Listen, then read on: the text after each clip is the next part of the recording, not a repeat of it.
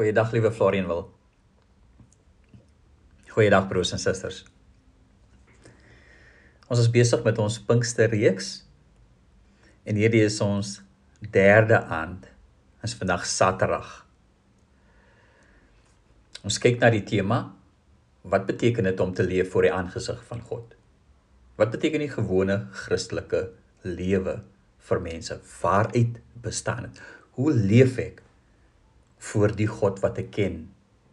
Die God van die Bybel, die God vir wie ek lief is. Ons kon voorheen kyk na twee ander temas, maar finansie temas om voor die Here te leef met 'n ontblote hart. En ek wil sê vandag om te leef voor die aangesig van 'n alwetende God. Weet hoe leef ek voor die God wat alles van my weet? Ek open ons skrifgedeelte vandag. Jammer, ek open ons diensgeleentheid vandag met die welbekende woorde van Psalm 119. Ons lê die oop. Liewe Heer,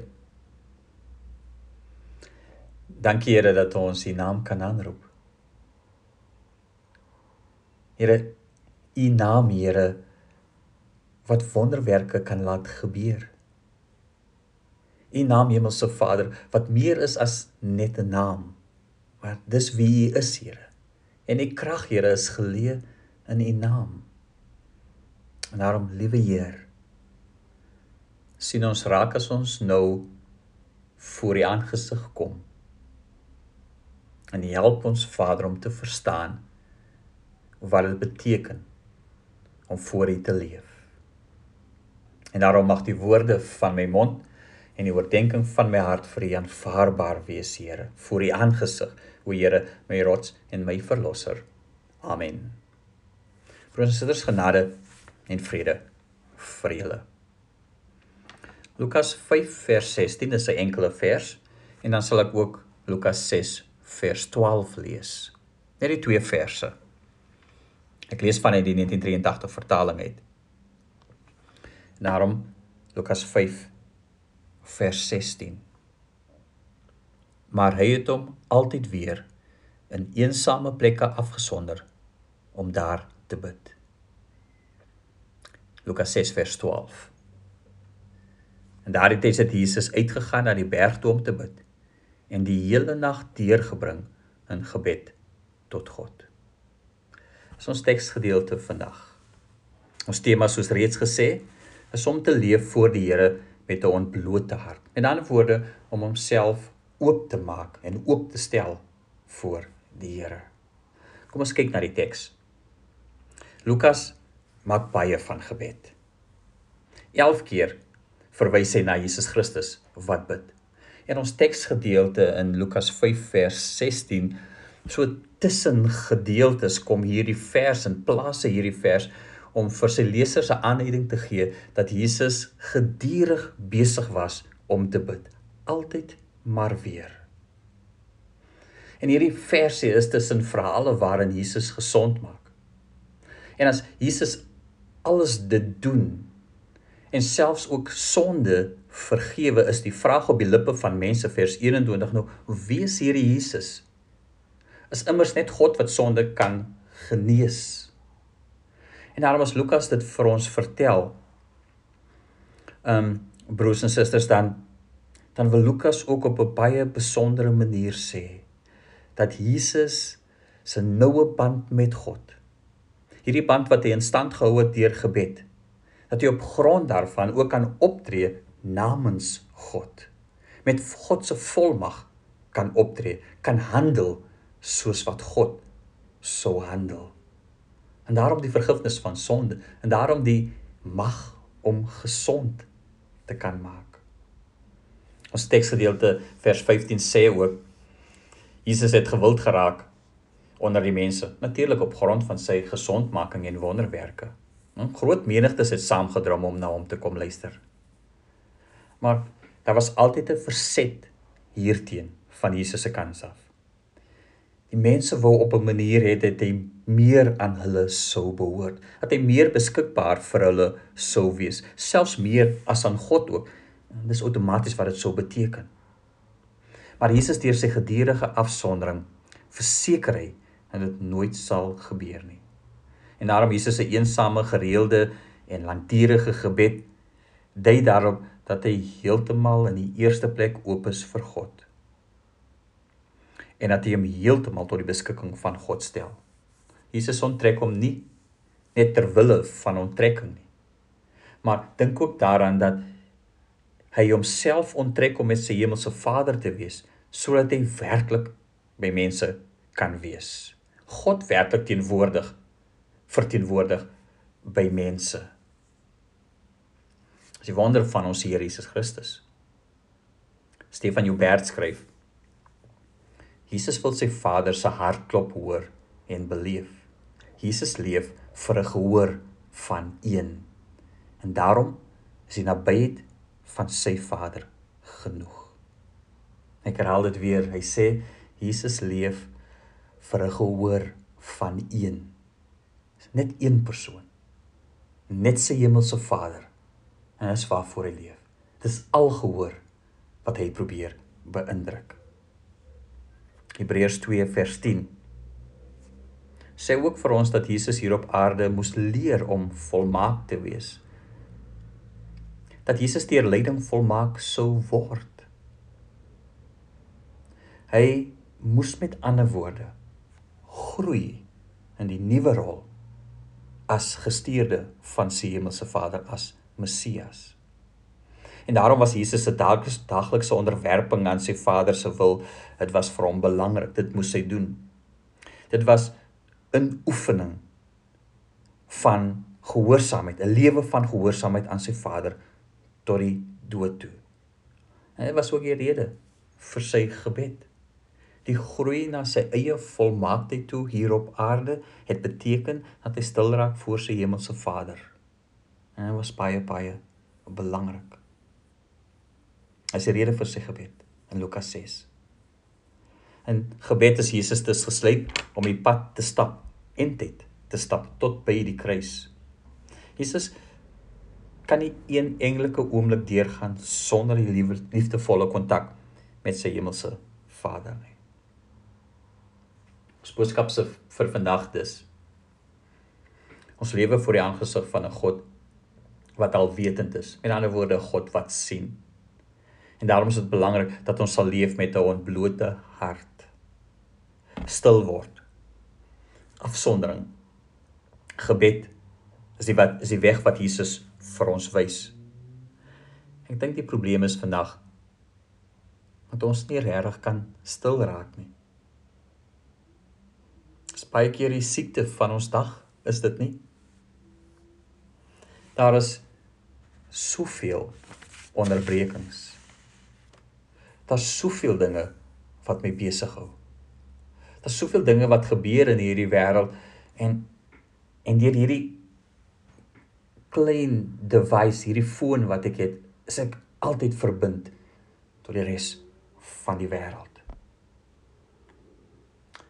En dan raak dit vir ons selfs nou selfs moeiliker om stil te raak. Ek lees van 'n dominee wat psigies siek geraak het. Met ander woorde, hy's nie hy's nie liggaamlik siek nie. En sy psigiater skryf toe aan hom voor dat hy vir 'n uur lank elke dag alleen in sy kamer moet deurbring. Hy mag ook nie lees nie. En hy vra toe nou Nou wie sal dan sy geselskap wees vry? Dis nou die dominee. En toe kom hy antwoord dat hy sy eie geselskap sal wees. Sy antwoord was dat hy nie aan slegter geselskap kan dink nie, né? Nee? En dink daaroor. Jy weet dink daaroor. As ons nie eens met onsself kan stil raak nie, né? Nee? Dit skep soveel, soveel probleme. Afsondering is ons geneesmiddel. En as die geloof bykom soos dit vir ons as Christene moet wees, dan genees dit ons lewe. En ons stil word sit daar eerlikheid. Ons bring ons onrus en ons sorges voor die aangesig van God. En dan groei vertroue in die Here. En voor die Here alleen kan jy jou binnewêreld oopmaak. Hoekom? Sodat God dit kan genees. Ons is tog geleer dat jy daagliks moet stil raak in jou binnekamer. Met gebed en Bybelstudie, dis wat jy moet doen. Jesus het immers ook vir ons gewys en ons verstaan dis reg so. Want dink weer daaraan. Deur afsondering kon Jesus sy identiteit bou. En deur afsondering kon hy sy verhouding met sy hemelse Vader bou. Kon hy groei in sy taak om dit te doen wat sy Vader van hom vra. Die waarheid is is dat stilte tyd is ten diepste tyd waarin die Here besig is met ons. Dit moet ons weet en hoor. Dis nie net iets wat ek doen nie. Ek is eintlik maar net besig om myself oop te stel, stil te raak. Jy weet binne die teenwoordigheid van God. En dan is dit die Here wat in daardie tye sy werk doen in ons harte. So in my stil raak voor die Here, in my gebed, in my wandel in die woord luister ek ook met hart en siel na die Here. En as die tye waarin die Here werk. Toegegee, ons omstandighede verskil baie. Maar elkeen van ons moet ons eie styl ontwikkel. Iets wat pas by ons persoonlikheid en ook ons omstandighede. Sommige kere is dit sommer in die motor. Ander kere is dit wanneer ek alleen my tee of my koffie drink en net net sit en bepeins, né? Nee? Dis dan nie wat Psalm 19 jy sê nie. Die woorde van my mond, dit is waar, maar ook die oordeenking van my hart dat dit vir die Here aanneemlik sal wees. Met ander woorde dit wat in my hart is. Om dit dit opstel voor die Here. Uiteindelik broers en susters moet dit stil word in gebedstye en rustig raak voor die Here en myself opstel voor die Here moet dit iets wees wat net outomaties deel van my lewe sal wees. Ferdinand Duist skryf 'n boekie tussen angs en sekerheid, gedagtes rondom gebed en ek moet erken hierdie boekie het my baie gehelp in die verlede, spesifiek hierdie gedeelte. In een van sy hoofstukke skryf hy oor gebed as samesyn. En hy en hy sê jy kan dit vergelyk jy weet gebed as samesyn met God. Jy kan dit vergelyk met twee ou mense en die woordelose kontak wat daar tussen hulle bestaan. Hy sê stel jou dit voor.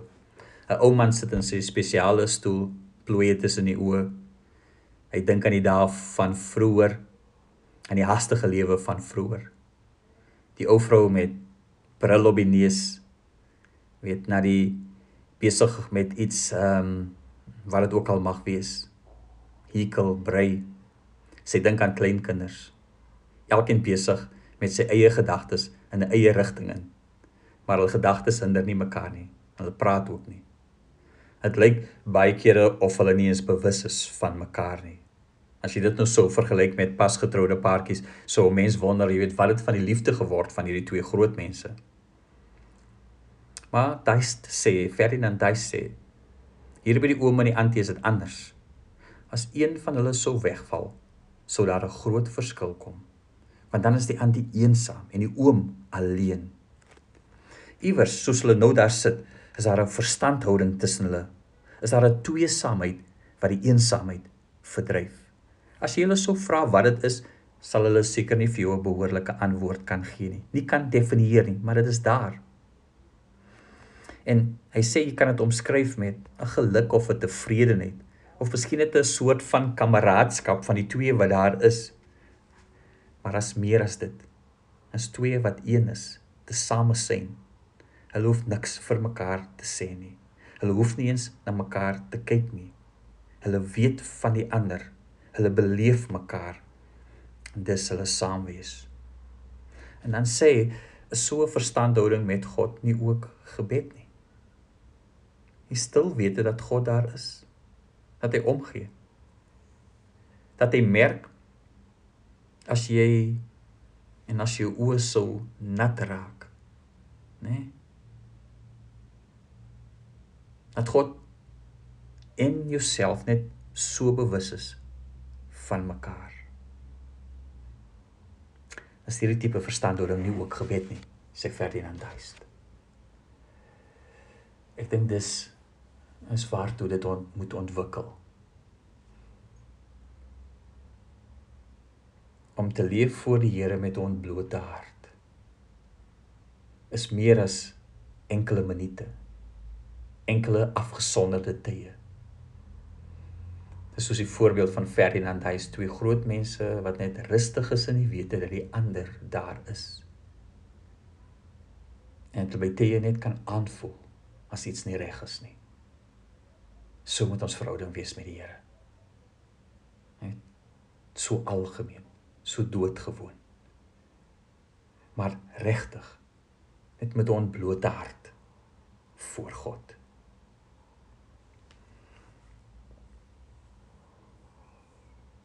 Amen. Here. Hoeveel kere Vader is ons nie besig so besig Here met dinge rondom ons nie.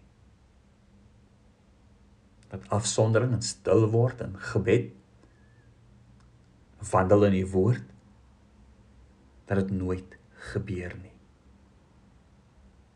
In ander woorde, Here, soos wat ons gehoor het, is dit mos eintlik die tyd waarin U werk. Is dit dan nie jy's presies die tyd Hemelse Vader waarin U ons verander van binne af na buite toe nie? En ons is so so besig. Ons is so op datum met alles. Dat ons die tyd met U net vernaal. Ons is nou stil voor die Here. Ons maak ons harte oop, Here, en sien ons vrese, ons bekommernisse. Here sien hoe angstig ons is. Sien ook Here ons gebrokenheid, Here. Maar Here bo alles sien ook ons begeerte om vir U te leef. Help ons Here om in hierdie pandemie tyd Here voor U stil te raak. Want Here as ons dit nie doen nie, dan kry die pandemie die oorhand in ons lewens. Sien ons Vader. Asseblief Here. Die genade van ons Heer Jesus Christus wie ons verlosser is. Die liefde van God wie ouer is. En die krag en die troos van die Heilige Gees sê en bly met almal. Amen.